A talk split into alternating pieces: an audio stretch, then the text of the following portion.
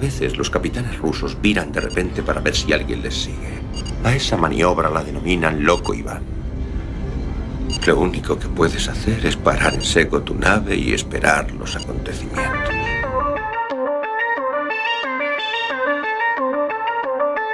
Galaxy 347 of Space Patrol calling unidentified ship.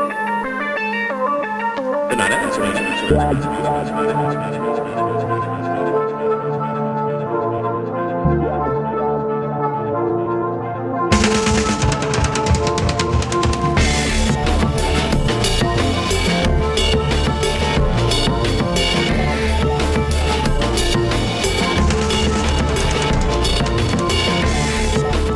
Moi boa noite a todos e a todas. De novo, o submarino nucelar máis intrépido de toda a Unión Soviética surca as escuras augas coruñentas. Esta noite falaremos de bruxería e de nigromancia, de mulleres valentes, míticas e de outras que foron perseguidas. Quédense con nós a este aquelarre que durará toda unha hora en a que teremos expertas sociólogas que nos falarán da figura das meigas na historia. Teremos a escritores que nos recordarán tamén a María Solís viña a Bruxa de Cangas ou non. E ademais teremos as nosas noticias escollidas e a mellor música.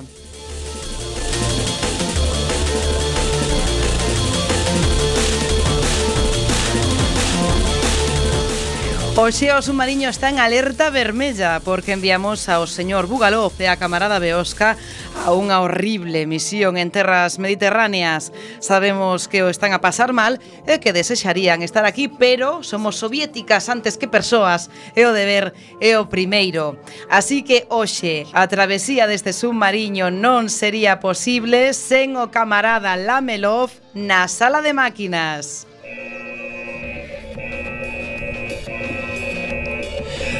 Temos, como sempre, ao xefe de cociña Birnarem. Hola, que tal?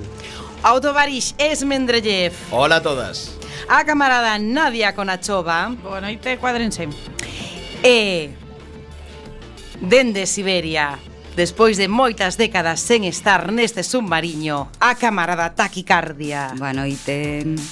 Sauda vos a capitana esbletana Ibarruri. Isto é Loco Iván. Comezamos.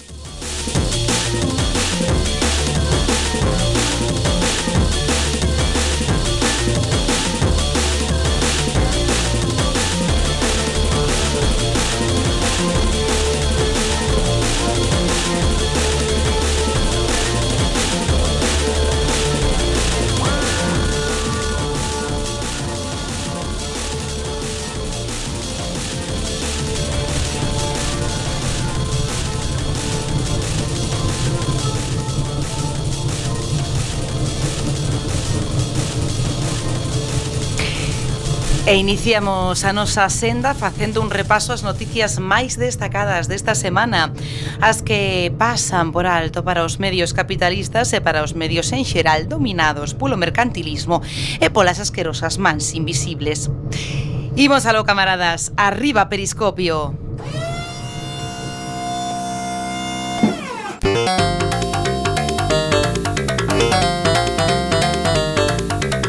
Quack FM Loco Iván. Periscopio.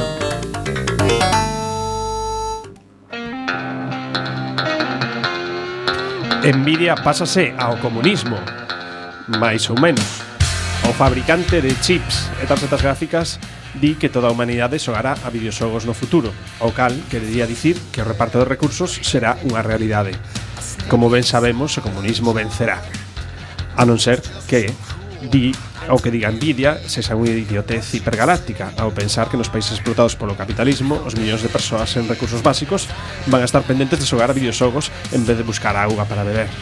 O falar non ten cancelas, camaradas. Sorguiña, un conto de bruxas, publicarase o 30 de maio.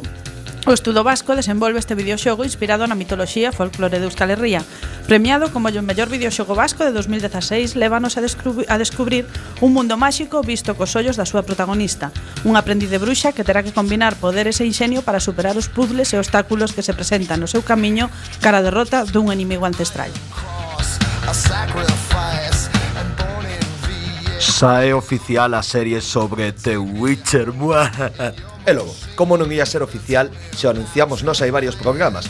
O caso que Netflix chegou a un acordo para facer a serie sobre a obra do escritor Andrei Sapowski, a saga de Gerald de Rivia, que xa deixou unha serie e unha película infame en Polonia, e tres videoxogos pois maravillosos.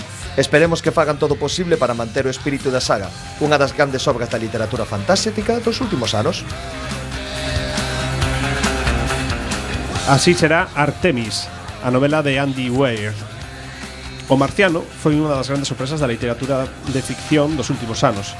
Escrita e publicada por Andy Weir, acabou chegando a unha gran editorial e a alcanzar un notable éxito entre o público. Tanto é así que, lamentablemente, Ridley Scott prepara unha adaptación cinematográfica da obra. Era coñecido que o Andy Weir traballa nunha novela, pero non foi ata esta semana cando se coñeceron os detalles da mesma. Titúlase Artemis e trata sobre unha rapaza chamada Yasmin Bashara que vive na luna, na luna nunha cidade establecida no noso satélite, chamada Artemis, e que rebosa criminalidade e malcheiro. Yasmin acaba de involucrándose nunha conspiración e a batalla entre varias faccións polo control de Artemis. Primeiras imaxes da peli I Kill Jans. No Festival de Cannes, de Francia, amosouse a pinta que vai ter a nova peli de Chris Columbus, unha adaptación do cómic de Joe Kelly e Ken Nimura. Son unha mataxigantes, que así se chamou o TVO cando chegou ás nosas tendas, conta a loita dun adolescente contra os seus demos, tanto na fría realidade como no mundo de fantasía onde se refuxia para non tolear. O cómic era unha maravilla, así que deámoslle un bote de confianza a peli. Por certo, sabe de onde o debuxante Ken Nimura? Pois de Madrid. O seu, o seu nome completo é José María Ken Niimura del Barrio, de pai xaponés e nai española. Un crack. Éxito do crowdfunding de Ford Triumph. Coñecido como XCOM de fantasía, trátase dun videoxogo de rol estratégico e de combate táctico que utiliza os elementos da contorna como armas nas pelesas. Sería como unha especie de mistura entre King's Bounty e XCOM, cunha parte estratégica e de exploración e outra onde tes que enfrontarte aos inimigos en combate por turnos. Vamos, que sempre que sacabas hostias.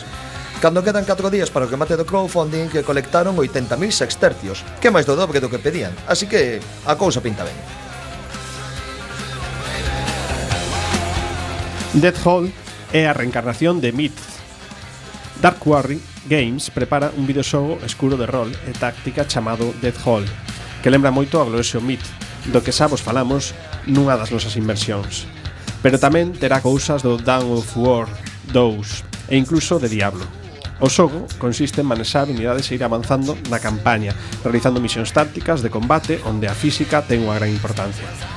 Tamén terá varios modos multisogo, entre eles a campaña cooperativa para 4 persoas. En suyo, xa en Steam, en acceso anticipado. Chris Avellon anuncia un novo videoxogo de rol. É unha das persoas máis importantes no mundo dos videoxogos de rol desde finais dos 90. Formou parte do desenvolvemento de obras tan emblemáticas como Icewind Dale, Planescape Torment ou máis recentemente Pillars of Eternity. E agora acaba de anunciar un novo proxecto chamado Pathfinder de Kingmaker, inspirado no xogo de rol de libro Pathfinder. Para iso, Avelon fixe un equipo con All Cat Games e situarán a historia nas terras roubadas, os territorios turbulentos ben coñecidos pola comunidade de Pathfinder. Así son os planetas de TRAPPIST-1. Cando en marzo se descubriu o sistema solar TRAPPIST-1 con sete palebras, planetas perdón, potencialmente habitables, xa dixemos que o capitalismo buscaría o, a forma de, de explotalos. O que non agardábamos é que a máis rápida sería a industria discográfica, así é como soa a música das esferas en TRAPPIST-1.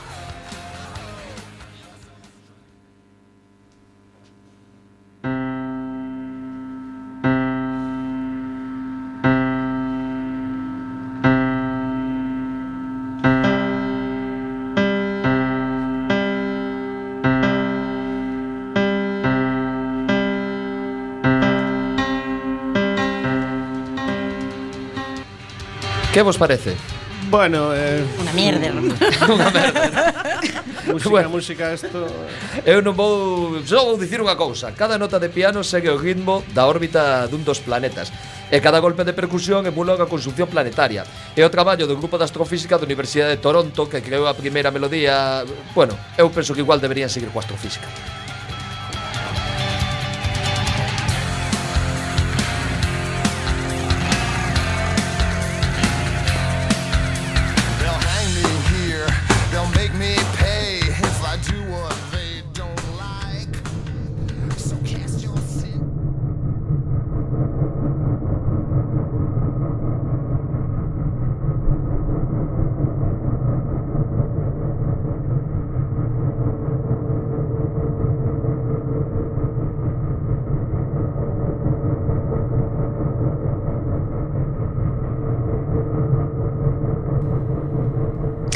E cando son as 10 e 10 da noite, imos de forma decidida cara á sala de radio, onde sempre está o señor Bugalov, Pero hoxe, xa saben, como lles contábamos ao principio do programa, que esa misión ultra secreta que ten coa camarada Beosca eh, no Mediterráneo, tipo The Americans, eh, obligounos a ter que facer unha reformulación das, eh, pois das cousas que ten que facer cada un de nós na nave. Isto que escoitan mm, non é un refluxo gástrico, é o señor Lamelov, o camarada Lamelov, que eh, por unha noite non está sacando brillos, torpedos, está na sala de radio. Pois sí, ando por aquí liadísimo con, con, toda, con toda esta movida. Eh, pois nada, eh, sí, hoxe secuestrei ao camarada Migalov, ou máis ben secuestroume a min. Eh, traemos un grupo un grupo bastante bastante raruno e eh, psicodélico que seguramente non coñece ninguén, pero debe ser das primeiras veces que poñemos aquí un grupo de deste século, concretamente no ano É certo? Sí, no ano do 2012, non? Eh, bueno, chamase Olden Witches, é dicir, todas bruxas, É un tema, bueno, que está bastante ben, un tema super lento para dormir hoxe porque é super tranquilo, lento, e que e que mola mogollón.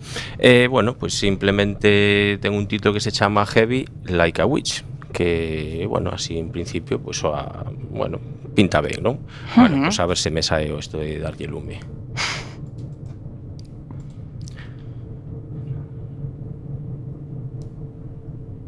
Son unos momentos de tensión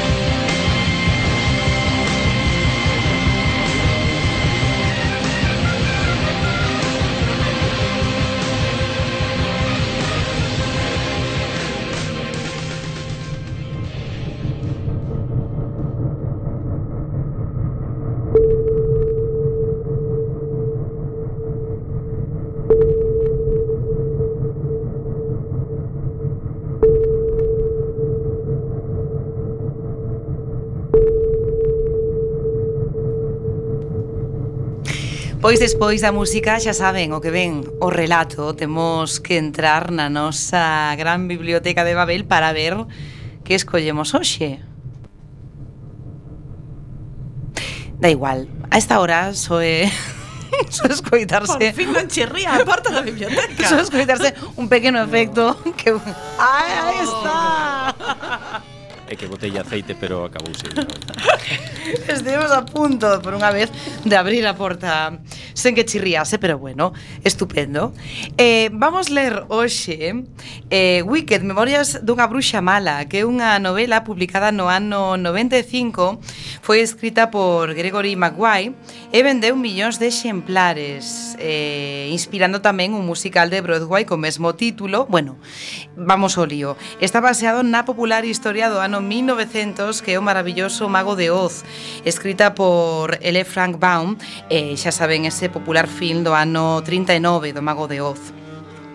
Poñémonos un pouco en situación, conta a historia de Melena, que é unha muller que se prepara para dar a luz, o nacemento da súa filla Elfaba, a futura bruxa do oeste, coincide coa chegada dun espectáculo blasfemo de títeres chamado O reloxo do dragón do tempo. Logo creo que foron a Madrid a ver a Manuela Carmena.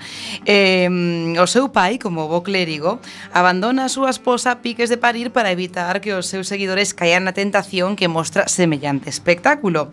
Desta obra xurdiría o musical tamén chamado Wicked, Memorias dunha bruxa mala, con música e letras do estadounidense Stephen Lawrence Stewart. Pero imos alá escoitar o relato.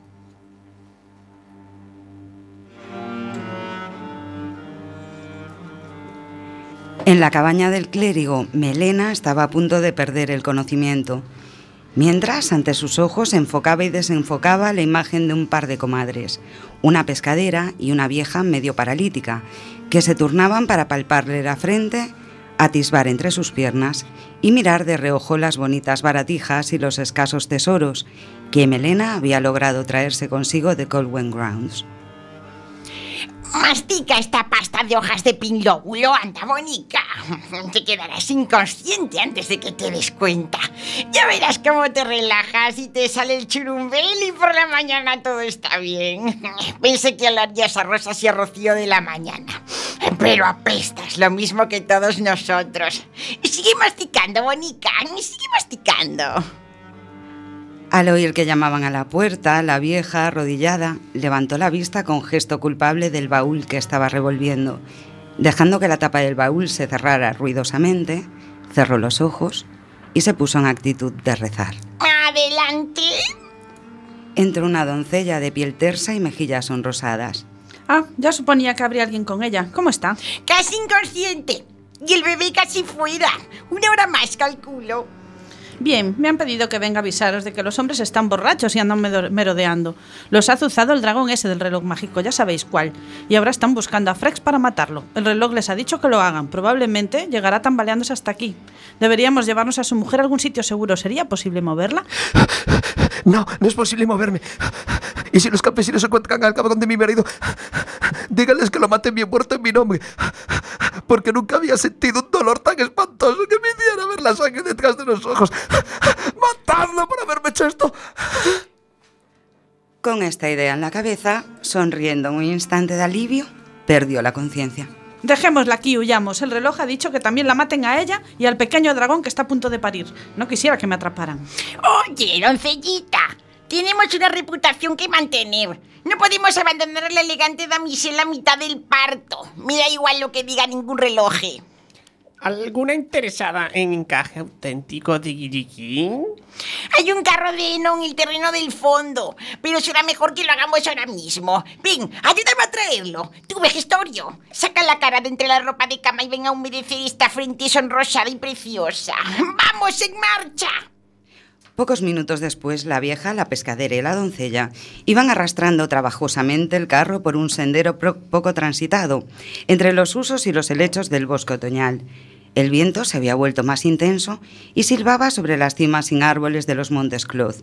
Melena, repantingada entre unas mantas, empujaba y gemía en inconsciente dolor. Oyeron pasar a una turba de borrachos con ¡Viva el orcas y antorchas ¡La pirata y se quedaron mudas y aterrorizadas, escuchando las maldiciones proferidas con voz pastosa.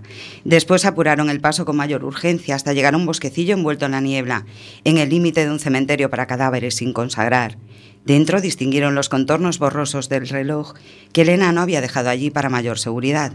No era ningún tonto. Había supuesto que aquel rincón concreto del mundo era el último lugar que los asustadizos aldeanos habrían visitado esa noche. El, ena- el enano y sus chicos también estaban bebiendo en la taberna. Aquí no hay nadie que pueda detenernos. Así que estás estado espiando a los hombres por las ventanas de la taberna, pendón. dijo la vieja mientras empujaba la puerta. Mientras empujaba la puerta de la parte trasera del reloj, encontró un pequeño espacio donde andar a gatas. Había péndulos col- colgando ominosamente en la penumbra, grandes ruedas dentadas parecían preparadas para rebanar como salchichas a los intrusos. Venid, arrastradla hasta aquí dentro. Con el, con el alba, la noche de antorchas y niebla, cedió el paso a grandes peñascos de nubes de tormenta y a los danzarines esqueletos del rayo. Brevemente aparecían jirones de cielo azul, pero a veces llovía con tanta fuerza que se hubiese dicho que caían gotas de fango y no de agua. Las comadronas, a gatas sobre manos y rodillas, sobresaliendo por la parte trasera del carretón del reloj, recibieron por fin su pequeña descarga y protegieron al bebé de los goterones del canalón. Mirad, un arco iris. Una enfermiza bufanda de luz coloreada colgaba del cielo. Lo que vieron al desprender de la piel las membranas y la sangre sería una ilusión causada por la luz. Al fin y al cabo, después de la tormenta, la hierba parecía palpitar con un color propio y las rosas zumbaban y flotaban sobre sus tallos en insólita gloria. Pero incluso teniendo en cuenta esos efectos de la luz y la atmósfera, las comadronas no podían negar lo que veían. Bajo las babas de los fluidos maternos, el bebé relucía con un escandaloso matiz verde esmeralda claro. No hubo gemido ni chillido alguno de rabia recién nacida. El bebé abrió la boca, respiró y guardó silencio. ¡Chilla, demonio! ¡Es tu primer trabajo! ¡Otro niño tozudo! ¿Lo matamos? No seas mala con la criatura. Es una niña. ¡Ja! Mirad mejor. Ahí estaba invisible su pirindolo. Estuvieron un minuto sin ponerse de acuerdo, incluso con la criatura desnuda delante. Solo después de una segunda y una tercera limpieza quedó claro que el bebé era efectivamente de sexo femenino. Quizá durante el parto algún trocito de fluvio orgánico quedara atrapado en su hendidura y se secará rápidamente. Una vez frotada con un paño, se observó que estaba hermosamente formada, con una elegante cabeza alargada, bracitos vueltos hacia afuera, bonitas nalgas respingonas que invitaban al pellizco, graciosos deditos y diminutas uñas rascadoras, y con un tono incuestionablemente verde en el semblante. Tenía un rubor asalmonado en las mejillas y el vientre, un matiz beige alrededor de los párpados apretados y una franja parda en el, cuello, en el cuero cabelludo, que revelaba las líneas del cabello futuro, pero el efecto, predominantemente, era vegetal. Mirad el pago a nuestros esfuerzos. Un trocito de mantequilla verde. ¿Por qué no la matamos? Ya sabéis lo que dirá la gente. Yo creo que está podrida. Dijo la pescadera mientras miraba si no tendría la raíz de un rabo, al tiempo que le contaba los dedos de las manos y de los pies. Y huele a estiércol. Es que es estiércol lo que estás oliendo, idiota. Te has agachado sobre una plasta de vaca. Es un bebé enfermizo y débil. De ahí el color. Arrojémonos a la charca. Ahoguémoslo. Ella nunca lo sabrá. Tardará horas en salir de su desmayo de damisela elegante. Las tres se echaron a reír mientras acunaban a la niña en el hueco del brazo, pasándosela de una a otra para comprobar su peso y su equilibrio. Matarla era lo más piadoso. El problema era cómo. De pronto, la criatura bostezó y la pescadera, sin pensarlo, le dio el dedo para que lo chupara. Pero la niña se lo cortó de un mordisco, a la altura de la segunda falange. Casi se ahoga con el chorro de sangre. El dedo cayó de su boca al fango como un carrete de hilo. Las mujeres entraron rápidamente en acción. La pescadera se abalanzó sobre la niña para estrangularla, pero la vieja y la doncella se interpusieron en su defensa. El dedo fue recuperado del lodazal y guardado en el bolsillo de un delantal, posiblemente para volver a coserlo en la mano que lo había perdido. Es un gallo de pelea que acaba de averiguar que no tienes polón. Ay, pobre primer chiquillo estúpido que trata de divertirse con ella. Le arrancará el tallo tierno para quedárselo de recuerdo. Las comadronas volvieron a entrar a gatas en el reloj y dejaron caer a la criatura sobre el pecho de su madre, temerosas de considerar el asesinato piadoso, por miedo a lo que el bebé les pudiera arrancar. Quizá le desmoche una teta a la madre. Será la manera de que su frágil majestad vuelva en sí. Pero ¿qué niña es esta? Que bebe sangre antes de probar la leche materna. Dejaron cerca un pucherito con agua y resguardándose de la siguiente ráfaga de viento, se alejaron chapoteando en busca de sus hijos, maridos y hermanos, para regañarlos y apalearlos si era posible, o sepultarlos si no lo era. En la penumbra, la niña levantó la vista para mirar los aceitados y regulares engranajes del reloj del tiempo.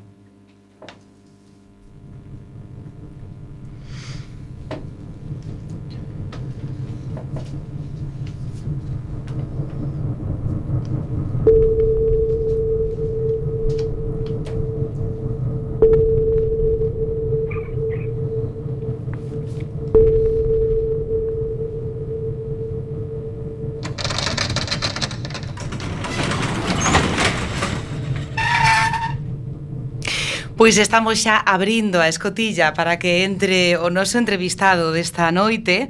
Temos o placer de, de ter aquí con nós neste submarino nucelar a todo un mestre do xornalismo e tamén do papel a Pemón Bouzas que en 2014 publicou A Voz do Vento sobre a historia da meiga ou non tan meiga de Cangas María Soliña. Unha novela que acadou gran éxito está traducida ao castelán, ao catalán e ao italiano tamén, cremos. Eh, Pemón, moi boa noite. Ola, boa noite, Cristina, que tal? Pois encantadas de, de terte aquí Escolle unha figura tan mítica Tan coñecida e a vez tan descoñecida Como, como é María Soliña Ou María Soliño, non? E, e fai unha novela que fala moito máis non do que, do que nun principio pode parecer e que acada vostede un grandísimo éxito como é todo este proceso creativo e como decide traer outra vez a, ao presente esta, esta figura tan máxica Bueno, eh, todo comeza realmente eu quería escribir algo sobre ese personaxe do que todo mundo falaba, pero eh, do que se sabía tan pouco como era eh, a figura que todos coñecíamos como María Soliña, sobre todo dende, dende a, a divulgación dos, do, do poemario de Celso Emilio Ferreiro, uh -huh. ¿no?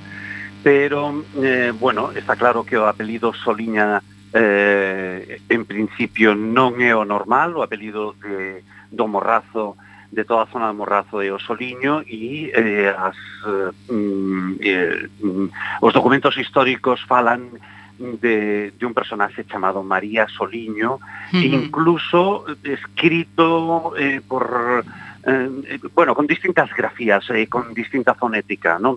Hai que ter en conta que naquela época moitos, moitas persoas escribían de oído e non eran galegas os que tomaban nota ou que ou os escribáns tanto do, da Inquisición eh, como, como de outros tribunais ou de outras eh, institucións ou estamentos, non?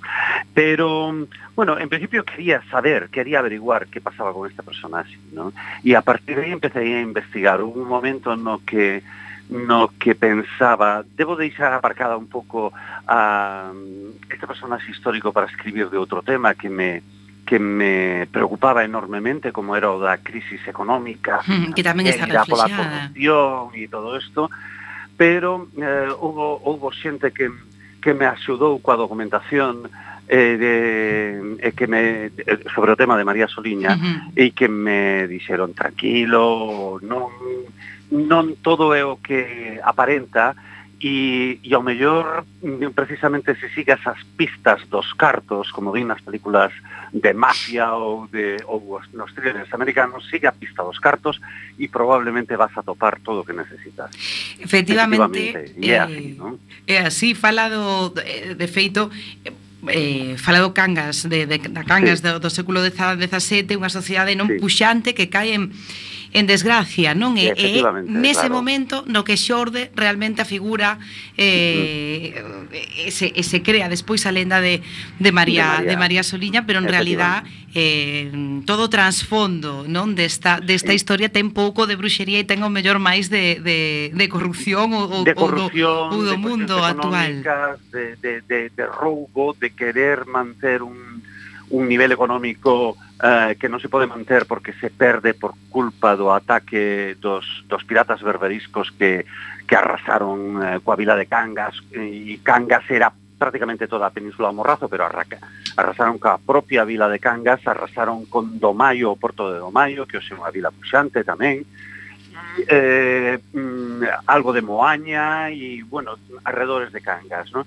Eso significou que o primeiro porto do que hoxe coñecemos como Ría de Vigo, que era Cangas, eh, quedase totalmente destruído e esquecido. Que pasa? O poder económico eh, de toda esa zona, de toda esa comarca, mm, vence abaixo e para poder manter o mismo nivel, é dicir, para manter o nivel de vida que tiñan, non? Uh -huh. eh, eh, pois eh, o único que lles queda é usar a delación eh, para, mm, eh, bueno, e acusar de bruxería, eh, que era unha delación moi doada porque os delatores, se, se demostraban a bruxería ou, ou demostraba outro tipo de, de delincuencias, non? pero sobre todo bruxería, herexía, etc., eh, acababan quedando con unha boa parte das propiedades, das pertenencias das persoas que ao final quedaban acusadas pola Inquisición. Entón, era un xeito moi mm, torticeiro, moi mm, de mala xente, mm, tan habitual nestes días, eh, de, de, de, mm, incrementar a riqueza ou de facerse ricos a costa a costa de, de boa xente, de boas persoas que son acusadas injustificadamente non? E, e injustamente. Non? Eso pasaba antes e, e bueno, e ao final reflicte reflicte corrupción nunha época, unha corrupción que é cíclica e que se repite nas sociedades mm, de todo o mundo ao longo dos anos e, e precisamente esta crise, esa crise sobre a que eu quería escribir no seu momento, eh, a crise que empezou ou que mm, vamos, que se fixo enorme a partir do ano 2008 no noso país, pero tamén boa parte de Europa, pois non deixa de ser unha crisis por culpa de financieros, buitres, que que o que único que les preocupaba era eh, enriquecerse rapidamente eh, costase o que custase, pasase fame, quen pasase fame. Non? Fala tamén na, na súa obra, por suposto, pois desa, desa figura da Inquisición en, en Galicia. Non sei se podemos sí. profundar un pouco máis eh, no que significou realmente. Eh, mm, a, a, a, a Inquisición en Galicia, refíreste. Mm, ¿no? sí. sí, bueno, pois a Inquisición galega tivo unha particularidade moi grande que mm, me deixaron claras mm, varias persoas que me asesoraron sobre este tema, e sobre todo a documentación que me fixeron ler. ¿no? Eh, a, a, a Inquisición en Galicia tardou en, en, digamos, en consolidarse como tribunal da Inquisición galega. Por qué? Porque a Inquisición en todas partes, a Inquisición española, pero en todas partes de España, pero tamén de América, eh, tiña unha serie de normas que facían que fose implacable. E unha das normas era que ningún tribunal da Inquisición, por exemplo, en Galicia, eh, debía estar presidido por inquisidores galegos e de aí para baixo os postos máis importantes tiñan que seguir caendo hacia abaixo ser personaxes galegos ou cando menos da zona na que iban a intervir. Para que? Evitar corruptelas eh, e eh, mm, Eh, e para evitar desvíos de atención, etcétera, non? Porque se coñeces aos teus veciños, ao final é máis complicado que actúes contra eles. Uh -huh. Bueno, esa era unha das premisas fundamentais da, da Inquisición en todas partes. Non? Que pasa? No momento que intentado, intentou de, de feito, no momento que se constitúe un tribunal da Inquisición en Galicia, fracasa, non sei se aguantou 4 ou 6 anos. Entón, e tiveron que pechalo e volver a depender dos inquisidores, eh, eh, vamos, a capital da Inquisición que estaba en Valladolid, ¿no? Uh -huh. eh, donde estaba o inquisidor xeral de, de, de España e incluso de América, ¿no? Que pasa? Tarda tempo en volver, pero no momento que se volve a constituir un tribunal da Inquisición, eh, que isto debe de ser a, a finais do século XV, 1580, 1590, falo de memoria, eh, bueno, pois de tres eh, inquisidores eh, que había nese tribunal, eh, que eran os mm, mm, mandos absolutos do tribunal en Galicia, eh, dous deles eran galegos. E de aí para baixo había moitos galegos. entonces esa é unha pequena variante. Con mm-hmm. respecto, un, bueno, unha gran variante con respecto a outros sí. tribunais da Inquisición. Eh, que pasaba tamén? Que mm, que non quedaba outra porque había outros dous poderes establecidos moi poderosos na cidade de Compostela que era onde estaba o Tribunal de Inquisición que eran a Catedral de Santiago e o propio mm, cabildo da cidade de Santiago, pero onde estaban os concelleiros, onde estaba a burguesía, é dicir, alcaldía, concelleiros, etc.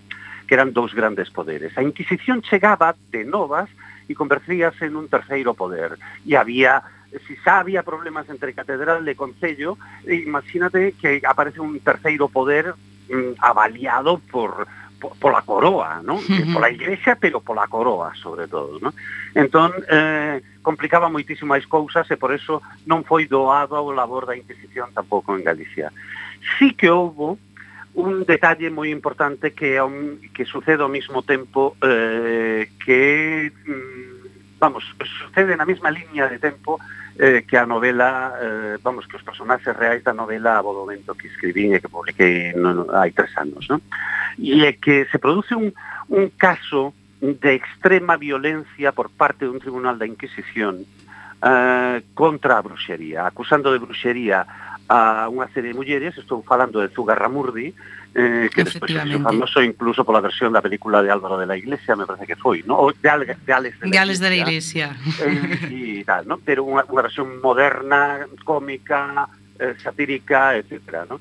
Ben, en Zugarramurdi eh, unha serie de mm, comisarios da Inquisición acusaron a 14 mulleres ou a 14, sí creo que falo, sigo falando de memoria, teño moi mala memoria, sabes, Cristina.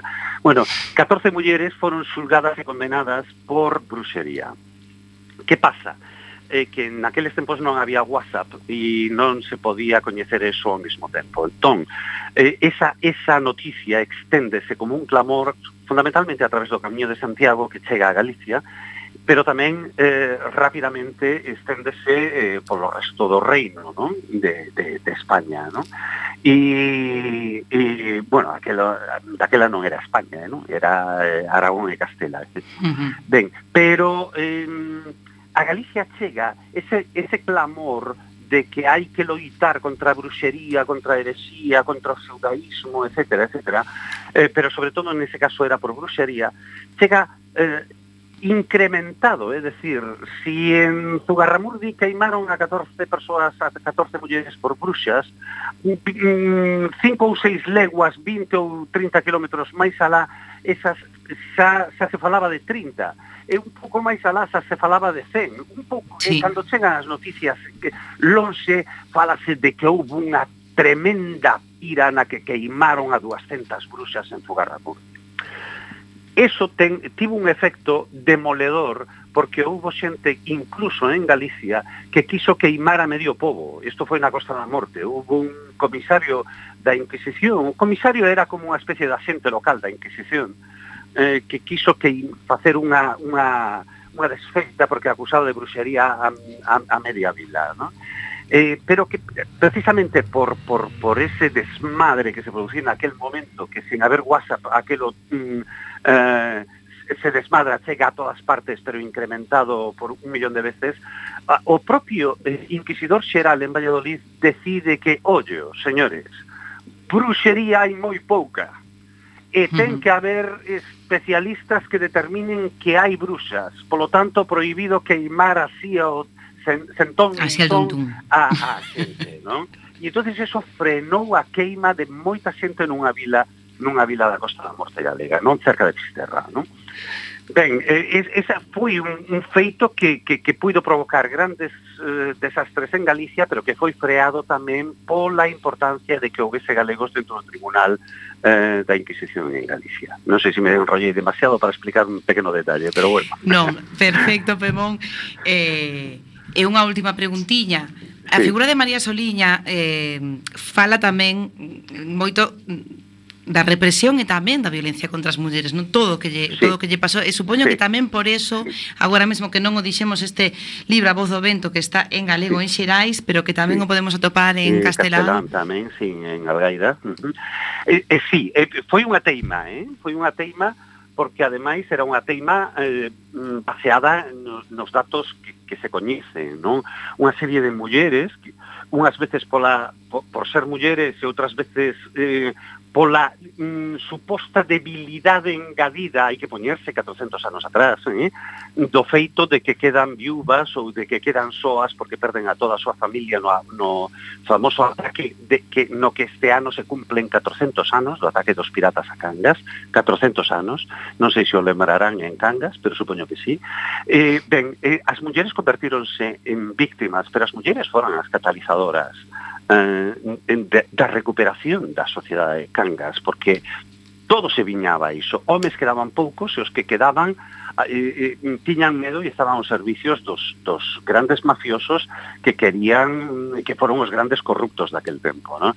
entonces as mulleres foron as que recuperaron os valores da vila de Cangas e eso, eso foi un desexo meu eh, na parte de ficción dentro da novela e incrementar esa, ese valor, a fortaleza das, eh, a fouteza, que é a palabra de moda, sí. eh, destas mulleres. Non?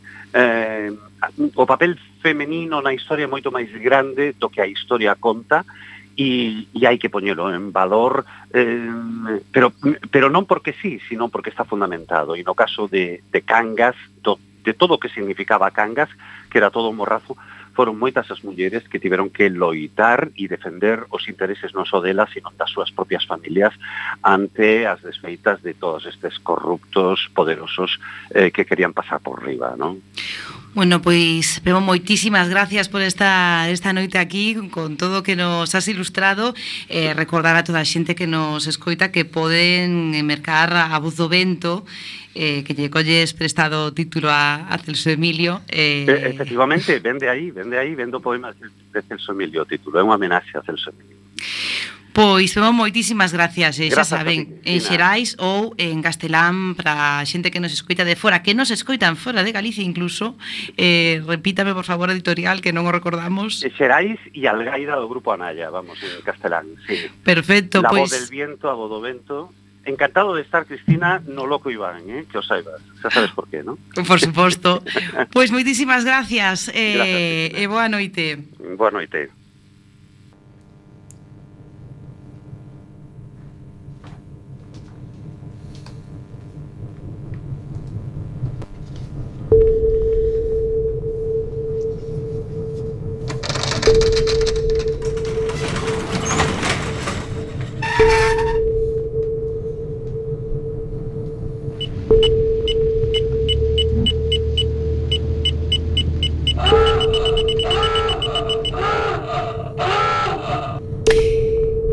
Entramos xa na inmersión, vamos apuradiñas de tempo, pero temos moita información todavía e somos moi rápidas, así que... Mm,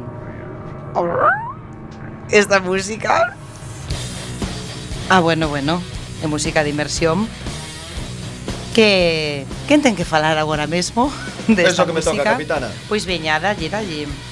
Pois nada, simplemente comentar sobre relación co historia, literatura e algo de, de cómic do tema das, das meigas, non? Vimos de, de ler un pequeno relato de Wicked, que é unha noveliña que me, que me encanta, non?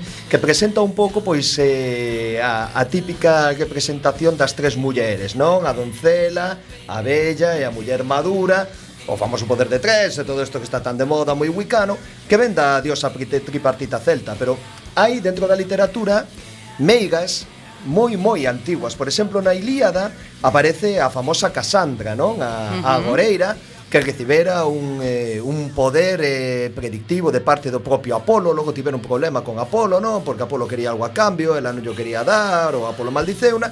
Entón a xente, cando ela dixo, oi, tíos, que o mellor ese cabalo de madeira de 25 metros de altura que sona oco, pois igual, igual, igual, igual, hai unha traición dentro, nada, pois non lle fixeron caso, aí foi aí foi Troya a pataqueira, non? A verdade é que os gregos eran moito deste tipo de deste tipo de meiguerías e de feito na realidade eles tiñan unha meiga que era coñecida como como a pitonisa, non? eh, o, dentro do famoso oráculo de Delfos eh, os que sean fans de Frank Miller eh, que teñan sí. visto tamén a película pois lembrarán como Neste caso, a, a Goreira non pois traizou ao bo de Leónidas facéndolle que espetar a todo o exército espartán a Carneia a cambio de cartos dun espía dun espía persa, non? Pero bueno, sen tirarnos a demasiado porque nos queda moi moi pouquiño tempo, pois vou pasar de falar máis de Wicked ou de Solomon Kane porque é un clásico que coñece case todo o mundo. E que é quero... unha película malísima aparte. A, pe a peli é unha merder moi gorda, capitana, pero pero os contos son de Howard, un doutor de Conan. Ta, de toda, de toda a vida. Eso ten que estar ben. Están ben. Pero quero lembrar a Alvin Maker. A serie de Alvin Maker é unha especie de ucronía realistomáxica que fixo o gran mestre Orson Scott Card E a curiosidade dese mundo eh, que pasaron varias cousas históricas diferentes, como que Oliver Cromwell conseguiu manter o protectorado en Francia, o que Napoleón e Bonaparte tivo que destituir por violencia a Luis XVII. Outra cousa que pasa é que a xente ten masia e polo tanto hai meigas. Se sabedes que Orson e Tuscorcar é un tanto mea pilas, que o tipo é mormón perdido e todo isto. Entón pois no mete... sabíamos, pero bueno. Bueno, pois agora xa o sabedes. As noveliñas están moi ben e espero que pronto se faga algo parecido pois por aquí na, na nosa terra dese realismo máxico méxico. Queres dicir porque o vas a hacer ti, o, o sea, eh, eh, non. Eu de momento non, pero bueno, igual, igual algún coñecido. Bueno, pois nos vamos aquí a miña, iba a decir a miña dereita, pero non, a miña esquerda sempre. Eh, a camarada Nadia Conachova, que é unha experta socióloga, aí onde a vedes, aí onde escoitades, e eh, que hoxe hoxe está eh, pletórica hoxe porque sí. é o seu sí, momento de estar sí. nunha inmersión. A miña primeira inmersión. É a súa primeira inmersión, pero ven como experta socióloga que nos vai comentar un pouco esa mm, esas teorías meiguiles a, a, a, ao longo da historia ou esa figura. Bueno, veño a falar concretamente das WITCH, a Women's International Terrorist Conspiration from Hell o sea, eh, unha, unha panda de activistas americanas, non? que foron un fenómeno único eh, dentro do movimento pola liberación das mulleres e por extensión para a propia Herstory, falaba o noso entrevistado non da, da historia e de como, bueno, gracias a algúns idiomas podemos lembrar a nosa Herstory. A súa actividade, sen dúbida algunha, foi frenética, escandalosa, pero tamén moi prodixiosa. En pouco máis dun ano realizaron numerosas accións, promoveron distintos boicotes, asinaron varios manifestos e desapareceron diseminadas no declive do estúpido 68. Porque ese movimento eh, nace onde? eh, nos Estados Unidos eh, e, se, e se foi multiplicando por diferentes vilas de, dos Estados Unidos, non? pero eh, a, alrededor dos 60 ou así eh, resulta, bueno, especialmente sorprendente a, a estética e as formas daquel grupo de bruxas urbanas de guerrilleiras en Basoira que, que tivera xa aprendido a mecha en distintas cidades. Non? Se formaban grupos de mulleres que recolleron eh, pois a chamada deses primeiros manifestos, esa chamada loita foi recollida por diferentes eh, grupos de mulleres en algunhas cidades. As witch pasaron a registrarse na historia do feminismo con letras de ouro, de ouro e ao mesmo tempo tamén baixo o signo do ostracismo, como toda eh, pequena revolución, pequena ou gran revolución do case anonimato e de como un dos fitos máis desconcertantes e potentes desa historia. E teño Pero porque te quería preguntar que é certo que ao final eh, con todo o que sabemos da, de todas as revolucións que xurdiron realmente a prol dos, dos dereitos eh, na década dos 60, 70 en Estados Unidos, pero non non hai realmente moito coñecemento, nunca recordamos as, as das meigas. Non, porque bueno, facían realmente dano, non? Falaban de prostitución, falaban de da liberación dentro do matrimonio e fora e falaban de, de cousas que nunca lle gustaron o patriarcado. Entón eran bastante radicalotas, non? Eran o feminismo radical, radicalizadísimo. En o triste época. é que o mellor siguen facendo falta eh, se houbera outras meigas, eh, non as meigas, non nos referimos ás meigas de San Juan, se houbera outras meigas de verdad eh, neste momento, seguirían tristemente reivindicando mellor case o mesmo que, sí. que na década dos 60. Efectivamente, e algo por aí se sigue aprendendo destas Sitges e sigue imitando un pouco a súa, a súa xeito de, de acción, non? Así de moi visual e moi de, e moi de acción directa, non? Nos vas a ler un conxuro último, Veña. un feitizo. Un solo. Bueno, o que queiras, ata... Bueno, bueno ti vai lendo un... É que hai un que moi bo que quería deixar imprescindible e me vou tomar a liberdade hoxe na miña primeira inversión de ler os dous. Veña. Un deles é o feitizo contra a escravitude do grupo de bruxas de Boston, estas que multiplicaron este e que decía abaixo as cadeas, as cadeas fronte aos cerebros constreñidos por reivindicacións de beleza. Feitizo aos xogos do ego dos amos, líbranos do paquete de subastas levas a fianza, pasa o ferro hasta camisa, non o chames, el chamaracha a ti. Pecha a boca, non penses, sorrí para el, el sempre terá razón, feitizase xogo, aprende a loitar. Pero o que o que nos traía hoxe aquí como como gran feitizo das das witch é a cerimonia de non boda, non estas mulleres que que nin nin deus nin nin marido, non? E teñan unha cerimonia de non boda e con isto xa remato que di o seguinte. Estamos reunidas aquí no espírito da nosa paixón por iniciar o amor e iniciar a nosa liberdade do profano estado da opresión patriarcal estadounidense. Prometemos amar, querer e desfrutar das demais e de todas as cousas vivintes. Prometemos non obedecer. Prometemos isto mediante berros e situacións incómodas en recoñecemento de que as riquezas e os obxetos están totalmente dispoñibles mediante o socialismo ou o roubo, pero tamén que o posuir é irrelevante para o amor. Prometemos estas cousas até que a elección nos faga separarnos, no nome das nosas irmás e irmáns de todas as partes en nome da revolución, declarámonos seres humanos libres. Viva! Viva! Birnarendi, viva! Viva! E dio con voz de, de Bella. Viva!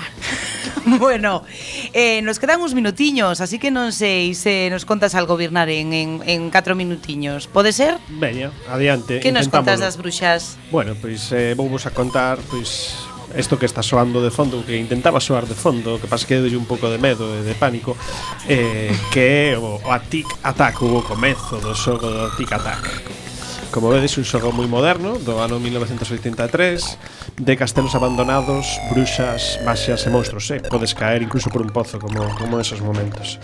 Eh, este é un xogo que podes coller pois tres xogadores, mago, ladrón, cabaleiro. Temos por diante un mapa laberíntico moi grande, numerosos objetos distribuídos polo mapa, e unha velocidade de xogo dominada, múltiples enemigos que aparecen pouco a pouco na pantalla, as personas as personaxes. Un momento, reláxese, Birnaren, por favor, porque quedan dous minutos, pero non se atrapalle. No, no, no.